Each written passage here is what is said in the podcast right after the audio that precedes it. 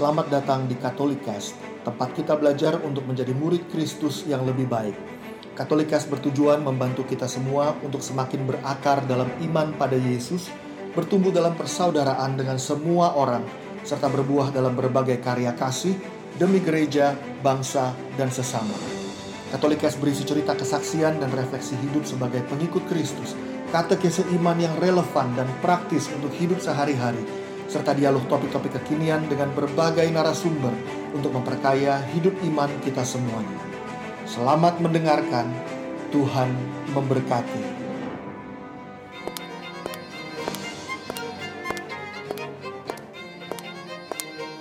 Sepatu kaca, wake up princess. Eh, girls, ini lagi gue udah lama Yes. nih dengerin berita nih yang lagi seru akhir-akhir ini apa sih yang lagi ngetrend sih ngetrend yang lagi viral viral apaan Rame, sih lagi rame. Eh, barusan itu ya, barusan gue nonton video di grup sebelah, pas dikirimin gue iseng gue buka. Jadi itu ada satu cowok gitu ya, dia bikin kayak video pendek gitu, di belakangnya itu ada satu cewek pakai baju bikini gitu. Nah, dia bilang nih ada satu Hmm. cewek pakai bikini di Bali gitu, dan eh, dia bebe aja tuh, maksudnya dia nggak diperkosa gitu maksudnya, walaupun dengan pakaian yang cukup minim gitu kan. Nah, terus dia akhirnya membuat kesimpulan bahwa sebenarnya bukan karena baju perempuan itu, bukan karena kita pakai baju yang sangat tertutup atau sangat terbuka sehingga kita diperkosa atau tidak diperkosa, tapi emang otak cabul atau otak kotor dari sang pemerkosa itu gitu. Jadi maksudnya Oh. dari dari pihak yang Oh. satunya lah gitu. Jadi ya, Ya, pihak- mungkin itu ada hubungannya ya sama yang Oh, lagi iya rame tuh. belakangan ini. Iya, iya bener sih. apa Ya yang apa? nggak tahu Itu yang itu loh yang lagi viral yang pemuka agama memperkosa itu kan ya itu kan Iya. Jan, kayaknya sih ada, ada betul, hubungan sama Betul, itu sih hubungannya Nah, sama itu. maksudnya ya maksudnya sih tapi tunggu tunggu tunggu tunggu ada- sebelum kita ngomongin memperkosa atau diperkosa atau kita mau memperkosa siapa serem kita amat sih nggak ngomongin itu juga nggak pengen ngomongin itu juga ya ya ya ya mau merencanakan memperkosa siapa gitu. Um, kita mau sapa dulu nih. Halo sekawan iya. sekawati, Halo, apa halo, halo. kabar? Halo. Halo, selamat hari ini buat sekawan-sekawati. Sampai lupa, sampai belum nyapa ya. Salam sehat karena ramenya berita. ramenya, iya rame banget ya. Gue tuh terus terang udah lama banget nggak nggak dengerin berita karena lagi sibuk macam-macam jadi pengen. Iya, Itu sibuk gimana akhir sih? tahun ya loh. Kita mau ngobrolin apa tuh tentang perkosa atau mungkin tadi menarik juga tuh apa yang cenderung apa dengerin ya dari dari dari dari YouTube ya Cen ya? Itu dari mana? Ya, Iya, bukan dari YouTube sih, dari WA grup sebelah. Cuman maksud gua, eh, Ya, video-video. iya benar gitu loh, bahwa eh, hal itu tuh tergantung terhadap perilaku si pelaku gitu. Dan pelakunya ini nggak peduli siapa gitu, nggak peduli orang biasa, nggak peduli dia orang eksekutif di kantor, nggak peduli pemuka agama. Jadi ini bukan masalah dia itu yang kita anggap Dan orang peduli suci. agamanya apa kan? Dan Betul, nggak peduli betul. agamanya apa kan? Maksudnya Nggak peduli. kayaknya itu uh, menyangkutnya nggak ada hubungannya sama agama, tapi hubungannya sama mental ya nggak sih? Betul, tapi ini mental sang hubungannya sama gender nggak sih? Gender kan? yang Eh, lu bilang pelaku itu hubungannya sama gender nggak? Benar, kalau saat ini sih kasusnya dari cowok. laki-laki? Nah, kalau kasus ini kan Oh. cowok ke cewek gitu. Cuman Cowok, menurut cewek, gua ya sih betul. korbannya cewek kan ya. betul, tapi menurut gua eh, masalah eh, seksual seperti ini yang dalam hal ini ada perkosa atau Hmm. pelecehan itu nggak selalu nggak atau nggak melulu karena gender gitu, nggak selalu cowok ke Hmm. cewek. Ada juga kasus-kasus di mana cewek ke cowok loh, walaupun lebih dikit sepertinya gitu. Dan kalau mau power ngomong abuse ya, ini, yang itu power abuse kan. Ya Mm-mm. betul. Kalau tadi kan kita ngomong soal sexual abuse ya. Kalau dari kalau tadi bener nggak sih yang gua tangkap dari Betul, betul, betul. Iya ya, ya Betul. kasus yang beredar kan sexual abuse gitu Betul, ya. tapi kan sebetulnya kan kalau kita mau tarik lagi dari seksual itu sebenarnya apa sih? Dan kalau gua pikir rasanya memang ujung-ujungnya sih lebih ke power abuse ya. Jadi memang betul sih bukan cuma gender I karena so. perempuan juga misalnya nih, misalnya lu bos di kantor misalnya, lu juga punya kemungkinan juga loh, maksudnya lu biarpun bukan seksual misalnya, tapi lu power abuse karena dengan posisi lu lu jadi kayak menekan orang lain misalnya atau apa gitu bisa juga kan ya sebetulnya ya. Iya, bisa banget gitu. Cuman gue nggak tahu deh, kalau di Bisa. antara kalian sendiri punya nggak pengalaman di abuse seperti itu gitu, sexually atau pelecehan ya apalah gitu sebutannya? Hmm. Kalau Hmm. pelecehan sih gue sempat baca juga eh di dalam kita semua pasti udah tahu lah ya di dalam gereja Katolik juga yang kayak gitu-gitu juga ada kan pelecehan Hmm. yang seperti itu. Hmm. Malah gue baca Iya. di internet juga sampai disebut nama parokinya juga inisial daripada eh romonya juga disebut gitu dan di situ diceritain prosesnya malah pas dia lagi ngaku dosa gitu kan menjelang Natal juga. Karena dia di sekolahan kan ternyata kalau dia pengakuan dosa tuh kan selalu eh, imamnya itu gitu. Dan dia di situ gue baca juga ngalamin pelecehan itu. Nah waktu gue baca cerita ini gue jadi inget gitu. Waktu gue ABG itu gue pernah disuruh nyokap gue itu ke paroki ya ketemu sama romonya. Gue lupa Umur berapa tuh, Umur berapa lu? ABG lah ABG itu nggak belum 17 lah pastinya karena gue inget 17 gue lahir baru itu patokan gue. Jadi berarti mungkin SMP kali ya SMP Hmm. kayaknya. Ha SMP nah terus udah gitu eh gue disuruh nyokap coba gue lupa disuruh apa gitu ya. Terus gue datang lah gitu datang ketemu gitu. Nah ketemu itu terus dia duduk di sebelah gue gitu. Terus tiba-tiba dia taruh tangannya di, di ini di paha gitu. Gue agak agak bingung juga gitu. Bingungnya gue kan nggak pernah jadi gue nggak tahu gitu. Eh, ini biasa apa enggak? Dan waktu ternyata gue baca si anak yang dapat pelecehan di sekolahnya itu dia juga bilang begini dia bilang gini pelecehan itu terjadi berkali-kali tiap kali meninggalkan ruang pengakuan saya bingung gitu. Tapi tidak tahu apa yang harus dipikirkan atau dilakukan. Nah waktu gue baca itu gue pikir waktu itu gue juga bingung gitu. Ini apa gitu kan. Jadi gue juga nggak ngerti. Tapi gue merasa ini kayaknya nggak harusnya seperti itu gitu. Tangannya nggak harusnya ditaruh di sini gitu kan. Tapi karena dia sosok sosok yang uh, gue Tapi kagumi sebagai gitu. anak ya. Ya, ah, ah, jadi masih belum bisa Ya, ya. eh, ini salah atau enggak pada waktu itu gue nggak nggak berpikir pokoknya gue merasa nggak nyaman aja ketika itu ya. Udah gitu kan tangannya di di apa di eh, gosok-gosok gitu kan. Kalau misalkan di tangan gue sih nggak apa-apa tapi ini kan di paha gue gitu. Jadi agak bingung tapi terus gue berusaha buru-buru gitu langsung gitu. Eh, mungkin karena guanya kikuk atau guanya gelisah gitu ya. Dan mungkin dia juga melihat itu gitu. Akhirnya dia eh, stop gitu. Nah, tapi pas gue lihat baca artikel itu, gue berpikir iya waktu itu gue juga bingung.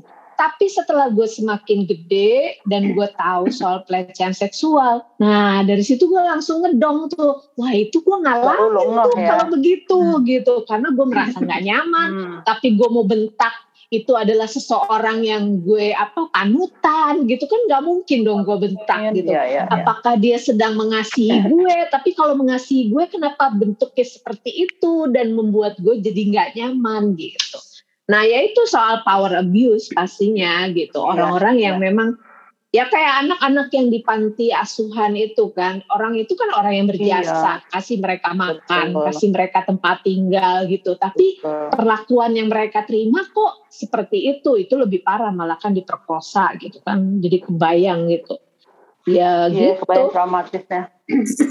Iya sih. Terus Iya waktu sih, lu memang, memang kayaknya hmm, waktu lu udah gede gitu, maksudnya kalau misalnya sekarang juga lu banyak denger-denger gitu, eh, menurut lu sendiri gimana Rik enaknya? Kalau Oh, misalnya kalau terjadi lagi, kalau- eh, maksudnya ya terjadi kita harus lagi mah kita mesti ngomong atau kita mesti gimana gitu? Atau diem lagi Oh. karena dia masih tetap panutan atau orang yang dihormati gitu?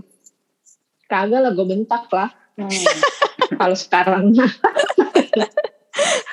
ya ya ya. Tapi memang kalau tapi gue buat gue anak-anak umur gue jadi ya, gini gue merasa gini ya. Kalau kita udah pernah ngalamin pelecehan seperti itu kayaknya badan kita itu udah ada alarm kalau misalkan kita ketemu predator-predator gitu. Seakan-akan sinyal di Predator. pada tubuh kita itu kayak kayak ada sinyal gitu. Bahwa orang ini predator. Dan biasanya kayak gitu tuh gue hindarin tuh. Hmm. Tapi ada nggak sih orang-orang kayak udah ada sinyalnya gitu Nggak maksud gue kalau Yurika kan tahu nih Eh, dia gua- bilang dia udah berasa ada ada predator kayak gitu terus dia menghindari. Tapi menurut lo ada nggak orang-orang yang tetap aja di posisi itu yang tetap menerima eh, tangan orang lain di pahanya sambil ngelus-ngelus pahanya gitu. Berkali-kali even sampai dia udah agak dewasa gitu. Lah, itu bego ya. Um, Kalau dia udah bener. tahu terus dia bisa aja itu. Apa kenapa Mbak Afi? Mbak Afi tadi mau ngomong apa? Iya ya. Ya eh, menurut gue sih Chan eh, menjawab pertanyaan lo ya. Gue gue juga gue jadi inget ceritanya eh, Yurika. Gue tuh kayaknya juga dulu waktu waktu itu gue udah SMA sih ya. Eh, gue itu setelah eh, apa ya? Gue juga sempet di grepe-grepe gitu ya oleh sebenarnya oleh seorang bapak-bapak mungkin waktu itu usianya jadinya om-om gitu ya Hmm. tetangga gue orang lingkungan gitu eh, apa bu- bukan orang bukan orang gereja ya tetangga lingkungan gue gitu waktu itu kita naik kendaraan umum. Zaman dulu tuh kendaraan umum apa ya? Metro Mini ya. Hmm. tapi pokoknya duduknya itu yang sebelah sebelah gue lah gitu. Tiba-tiba gue merasa kok paha gue yang bagian bawah ya? Paha bawah gue zaman SMA ya? Rok kan mini ya gue rok mini. Dia eh, dia pegang-pegang gitu kan. Gue berusaha Awalnya membayangkan ngerti Mbak kan, Afi pakai ini rok mini loh sekarang. ini apaan sih? gitu kan. Gue apaan sih? Gue kesel kan gitu. Nah udah tapi itu berlalu gitu aja. Tapi ya eh, itu kalau SMA gue cewek semua. Jadi gue eh, jarang berinteraksi secara fisik dengan eh, laki-laki. Begitu gue kuliah gue masuk ke jurusan yang eh, mayoritas laki-laki. Nah gue agak sensitif tuh dipegang sama cowok. Jadi ada temen-temen geng nih tiba-tiba dia merangkul gue gitu kan. Nah, merangkulnya sih Hmm, mungkin sebenarnya tidak dalam tidak dalam dengan tujuan untuk pelecehan tapi karena temen aja sohib gitu kan. Itu tuh bisa gue buang tangan eh lo apaan rangkul-rangkul gitu.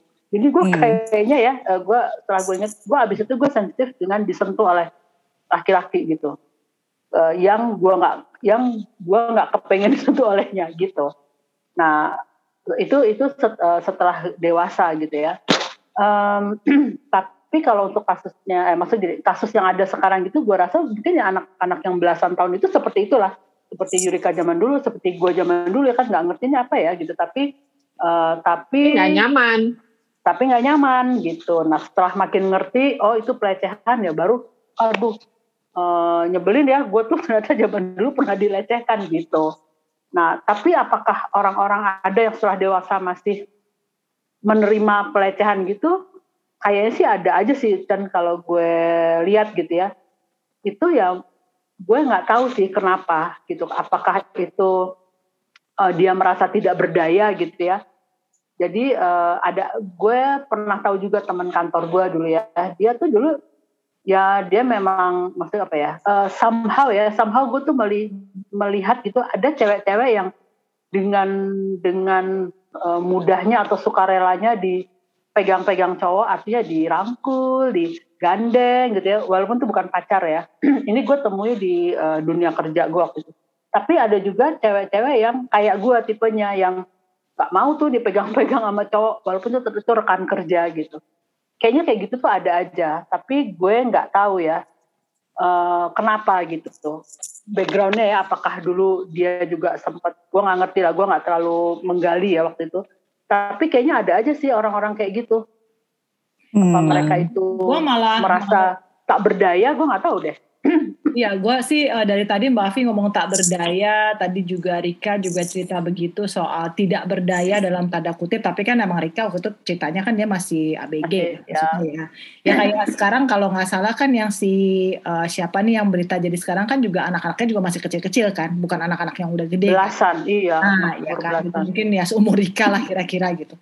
Cuman gue ada cerita nih, ini juga cerita kalau begini pendapat lo orang gimana? Ada satu, eh, ada satu eh, dia apa ya, biarawan, apa, rohaniwan, lah gitu ya. Rohaniwan. Yang juga deket sama umat, gue juga mau mau menceritakan dari berbagai sisi. Jadi bukan cuma dari sisi rohaniwannya doang. Nih dari tadi kan ya rohaniwan tadi Mbak Afi bukan rohani, rohaniwan sih, tapi kan eh, sisi yang lebih power ya, yang lebih ini gitu ya. Power ya lebih dewasa dari Ini sebenarnya I think it's both ways sih sebetulnya. Jadi pertamanya mungkin si perempuannya juga memberikan sinyal-sinyal gitu.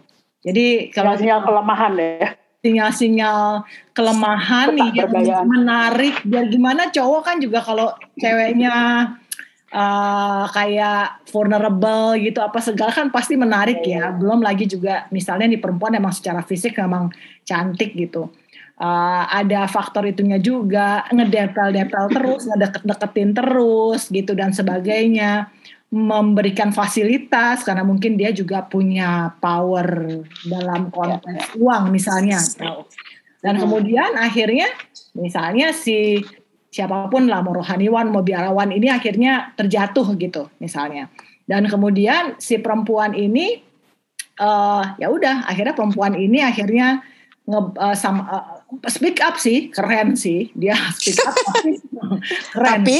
tapi, tapi? speak upnya itu benar-benar mau menghancurkan ini orang ini ini biarawan rohaniwan ini gitu maksudnya karena memang dia terus meneriakkan bahwa dia itu korban.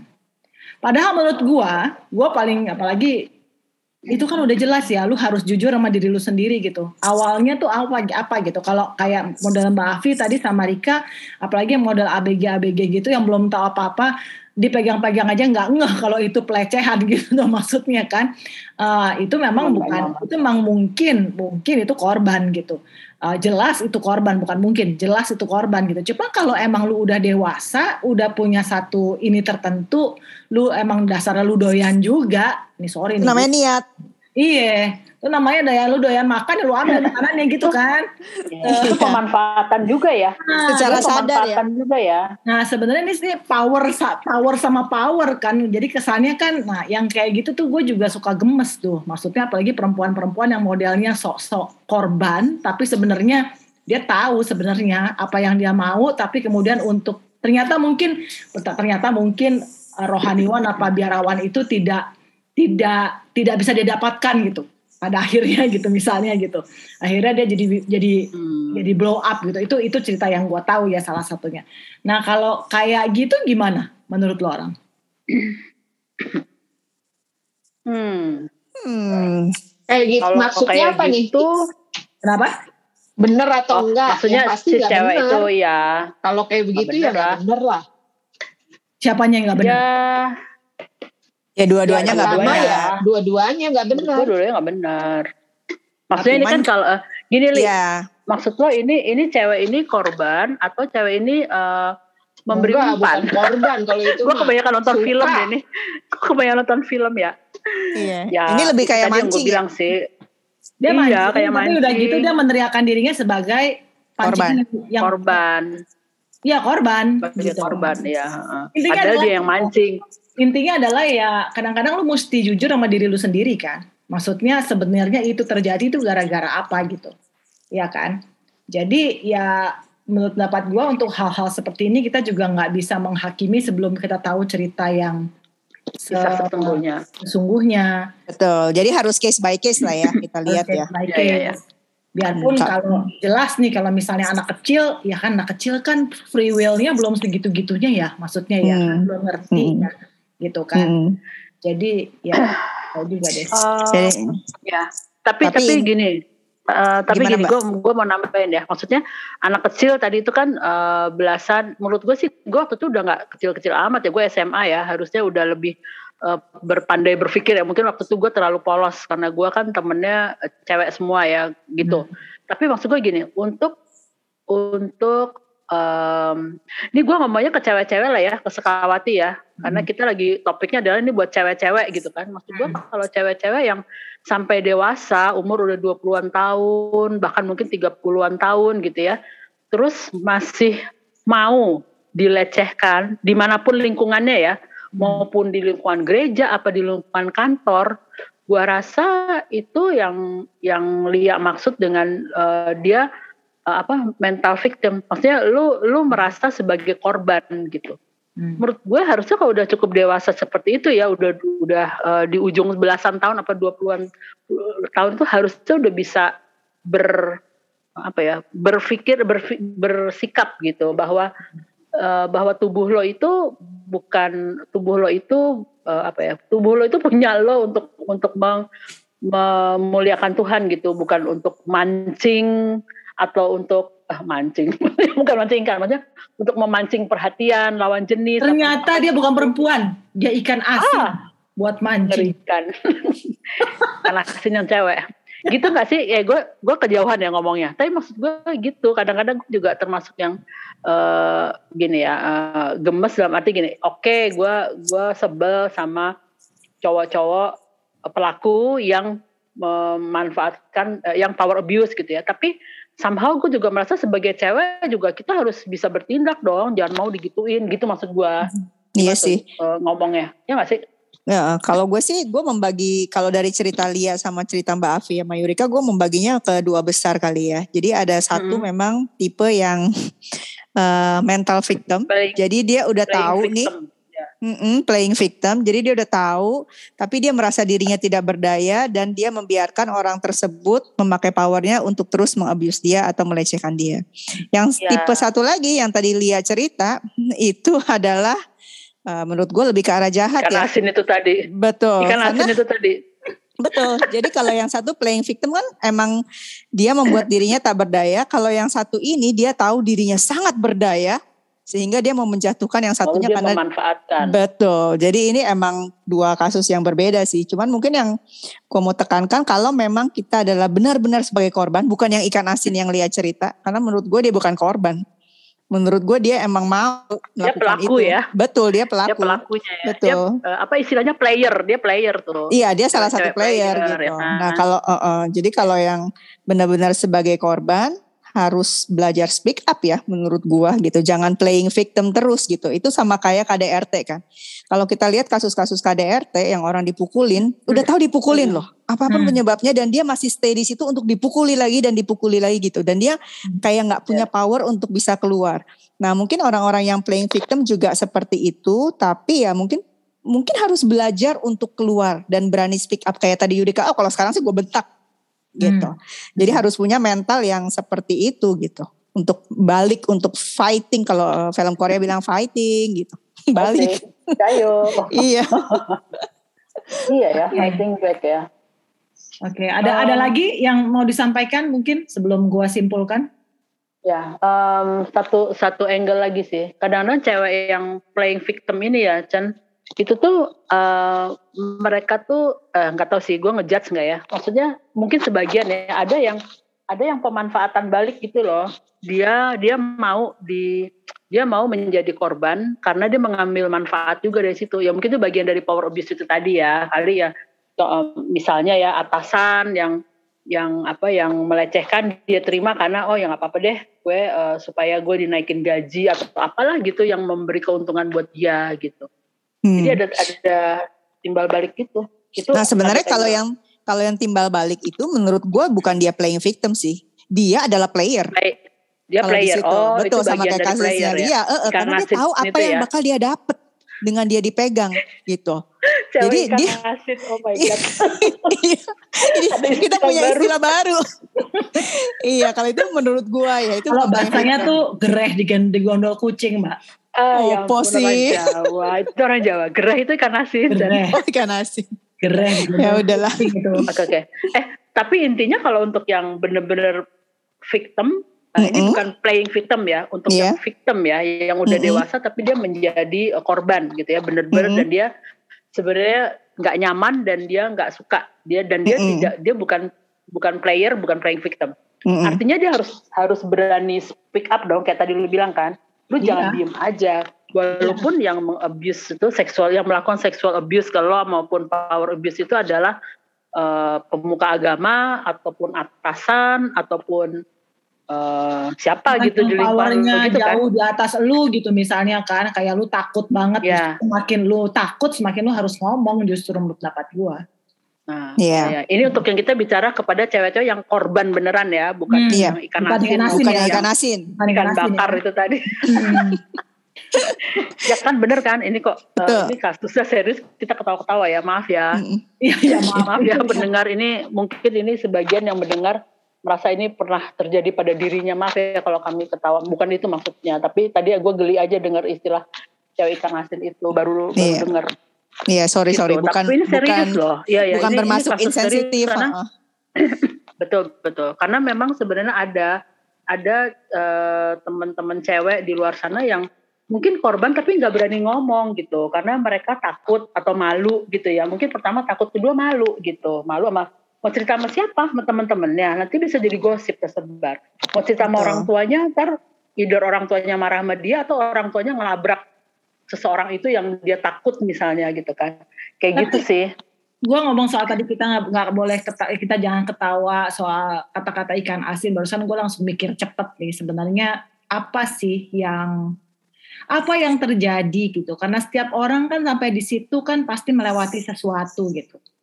ya Dan betul gua rasa eh, yang paling penting adalah bertemu dengan dirimu sendiri dan benar-benar jujur untuk melihat ke kedalaman jadi dalam gue nih ngomongnya ke kedalaman dirimu sendiri tentang eh, kenapa kenapa berbuat seperti itu karena gue percaya kok eh, kalau victim beneran gue nggak ngomong ya makanya itu jelas itu jelas rasanya pasti nggak enak banget sedih itu masa dilecehkan Ya. dan sebagainya itu udah gue gue udah nggak ngomong lagi ya. tapi kalau misalnya lu dalam hati itu punya masih punya satu eh, lu tahu sebenarnya lu punya maksud gitu sebetulnya kan tapi lu nggak sadar itu Mhm. kan karena mungkin ada luka sebelumnya. Misalnya, jangan-jangan dulu dia di- juga pernah dilecehkan. Jangan-jangan waktu kecil misalnya dia pernah dilecehkan dan Ya. kemudian dia me- belum mengolah luka itu sehingga akhirnya dia menjadi yang tadi kita contohkan itu gitu misalnya kita omongin ikan asin dan sebagainya tadi itu gitu. Tapi gue selalu percaya Ya, ya. semua orang Mhm. sampai pada satu sampai pada satu apa ya satu tindakan itu pasti punya latar belakang tertentu dan dan justru itu juga bagian yang harus di pengalaman tumpukan pengalaman hidup ya. Bagian yang harus di speak up dengan cari orang buat ngobrol gitu. Kenapa sih aku begini gitu? Karena itu pasti rasanya juga menyedihkan gitu di mana di mana di mana kita tahu kalau kalau kita tuh juga mengejar ilusi gitu maksudnya bukan ilusi Luliana tapi Bagus.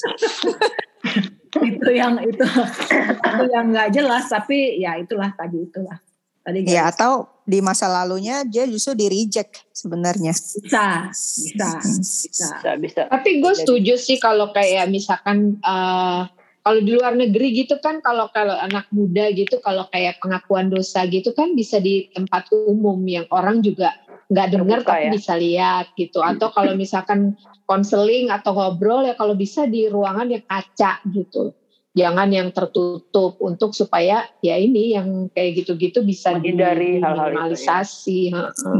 Mungkin sesudah pandemi ini jadi harus outdoor. Pengakuan dosa. iya ya Oke lah, kita Iya udah sih. panjang lebar nih. Oke, so um, sekawan sekawati, um, ini topik yang sensitif, tapi uh, ya karena ada topik yang lagi viral ini, memang kami uh, bukan sengaja sih, uh, ya sengaja ya ngomongin ini. kepikiran lah gitu ya Jadi Kepikiran, dan, dan kepikiran. dan apalagi tadi waktu lagi mempersiapkan ada cerita yang tadi Yurika juga baru ceritain gitu dan ternyata memang di antara kita aja juga pernah ada pengalaman yang seperti itu. Uh, saya mau menyapa semua sih sekawati terutama ya yang di luar sana mendengarkan podcast ini dan dan mungkin pernah mengalami hal-hal seperti ini. Saya uh, kami dengan rendah hati minta maaf tadi kami tidak bermaksud tertawa mentertawakan ceritamu apa kisahmu karena saya yakin apa pun motivasi atau bukan motivasi apa pun latar belakang apa pun situasi yang terjadi itu pasti ada ada ada ada ceritanya gitu. Kami nggak tahu gitu. Jadi eh, kami tadi hanya me- berusaha mengupas kira-kira ada berbagai macam latar belakang berbagai macam kemungkinan yang pernah ada di sekitar kami bahkan yang dialami juga ternyata oleh uh, Yurika tadi juga dan Mbak Afi juga. Dan kami berharap kami bisa jadi teman seperjalanan sih. Jadi kalau misalnya nanti ada yang pengen cerita atau pengen apa uh, saya uh, kami ber kami berpendapat teman-teman mesti speak up sih. Speak up-nya ke siapa? Nah itu jujurnya case by case. Maksudnya saya nggak bisa ngomong harus ke A atau harus ke B karena setiap dari Sekawati pasti punya orang-orang atau pihak-pihak tertentu yang menjadi yang bisa dipercaya lah intinya begitu.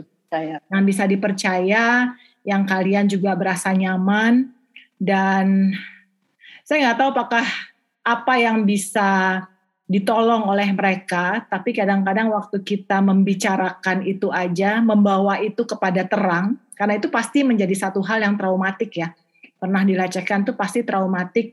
Uh, bahkan saya pernah dengar ya, saya um, ada yang pernah dilecehkan pada saat anak pada saat kecil gitu dan sebagainya ke depannya itu menjadi latar belakang dari kecanduan seksual atau bahkan Eh, kasus-kasus uh, yang uh, apa namanya LGBT dan sebagainya gitu loh maksudnya karena pernah ada pengalaman itu juga gitu jadi um, kami dengan rendah hati kalau misalnya teman-teman mau bercerita silahkan. Ada di sepatu kaca talk kalau DM kan private ya tapi memang private ke kami berlima pastinya karena kami berlima punya akses ke situ. Jadi uh, yuk kalau misalnya mau ngobrol dan kemungkinan dan kita mungkin bisa cari kasih usul atau kasih saran uh, ya di teman perjalanan lah itu. Dan di masa penantian ini di masa Advent ini di mana kita terus dan terus menceritakan meneriakan soal harapan di mana kita mengharapkan Yesus yang hadir di hari Natal. Saya juga mau menutup uh, podcast kali ini dengan satu harapan bahwa apa pun yang pernah terjadi dalam hidupmu, seengkau pernah pernah apa pun lah direcehkan itu bukan sesuatu yang sesuatu yang itu enak, berat, ya. menyenangkan ya itu yang itu menyebelin gitu dan membencikan dan melukai dan kadang itu membuat hidup kita berubah dengan cara yang kita nggak harapkan. Jadi ya, saya percaya itu bukan hal yang banyak banget orang yang terpuruk gara-gara itu gitu. Sehingga saya mau mengajak semua yang mungkin mendengarkan podcast ini untuk melihat seperti para gembala dan para majus melihat ke atas dan ada bintang yang me, yang menunjukkan mereka kepada tempat Yesus lahir di masa Advent ini. Apa pun yang pernah terjadi kalau itu pernah terjadi dalam hidupmu bawalah itu kepada bintang itu pada Yesus dan minta Yesus sang bintang fajar itu untuk memulihkan hatimu dan percayalah bahwa selalu ada harapan di mana sukacita Tuhan, sukacita yang baru lewat segala macam pengalaman yang kau kau apa ya kau alami itu ada harapan gitu. Ya mungkin yang bisa kami Amin. kami bagikan uh, sebagai perempuan terutama di sini kepada sekawati para perempuan semua juga juga hal itu. So kalau Sekawati di sini sedang ada yang pernah mengalami kasus pelecehan seksual atau pelecehan apa pun lah, bahkan tadi victim uh, korban apa sih victim mental itu apa sih korban mental apa sih korban mental korban, sebagai uh, korban mental sebagai mental sebagai korban. Uh, Jadi selalu merasa dirinya tuh korban. Gitu. Korban gitu ya. Oke, okay. yuk mari bersama kita bangun dari tidur kita karena kita mau percaya bahwa selalu ada harapan pada saat kita terbangun bersama dengan Yesus. Selalu yeah. ada harapan di saat Amin. kita membuka mata dan kemudian memberanikan diri untuk bangun dari tempat tidur kita dan kemudian minta Tuhan Yesus melangkah dan berjalan bersama kita. So, Amin. yuk mari bersama-sama kita mau teriakan kepada semua sekawati bersama kita mau katakan Wake, wake up, up princess. princess. Oke, okay, wake yes. up princess. Yuk sama-sama kita jalani hidup ini dengan satu harapan bahwa Yesus Kristus telah lahir dan akan selalu menyelamatkan kita. Amin. Semangat. Bye semangat. Dan yang Salam pasti sehat. kita ini berharga loh, ya kan? Kita selalu berharga di mata Amin. Ya, sip. berlimpah berkah. Yes. Nah, itu dari Bella. Bye bye. Bye. Bye semua. Sampai bye, jumpa. Bella. Stay safe ya, teman-teman. Stay safe semua.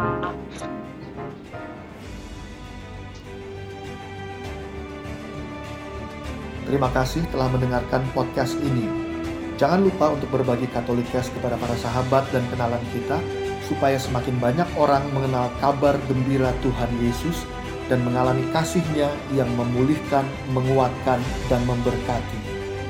Sampai jumpa di episode Katolikas yang lain.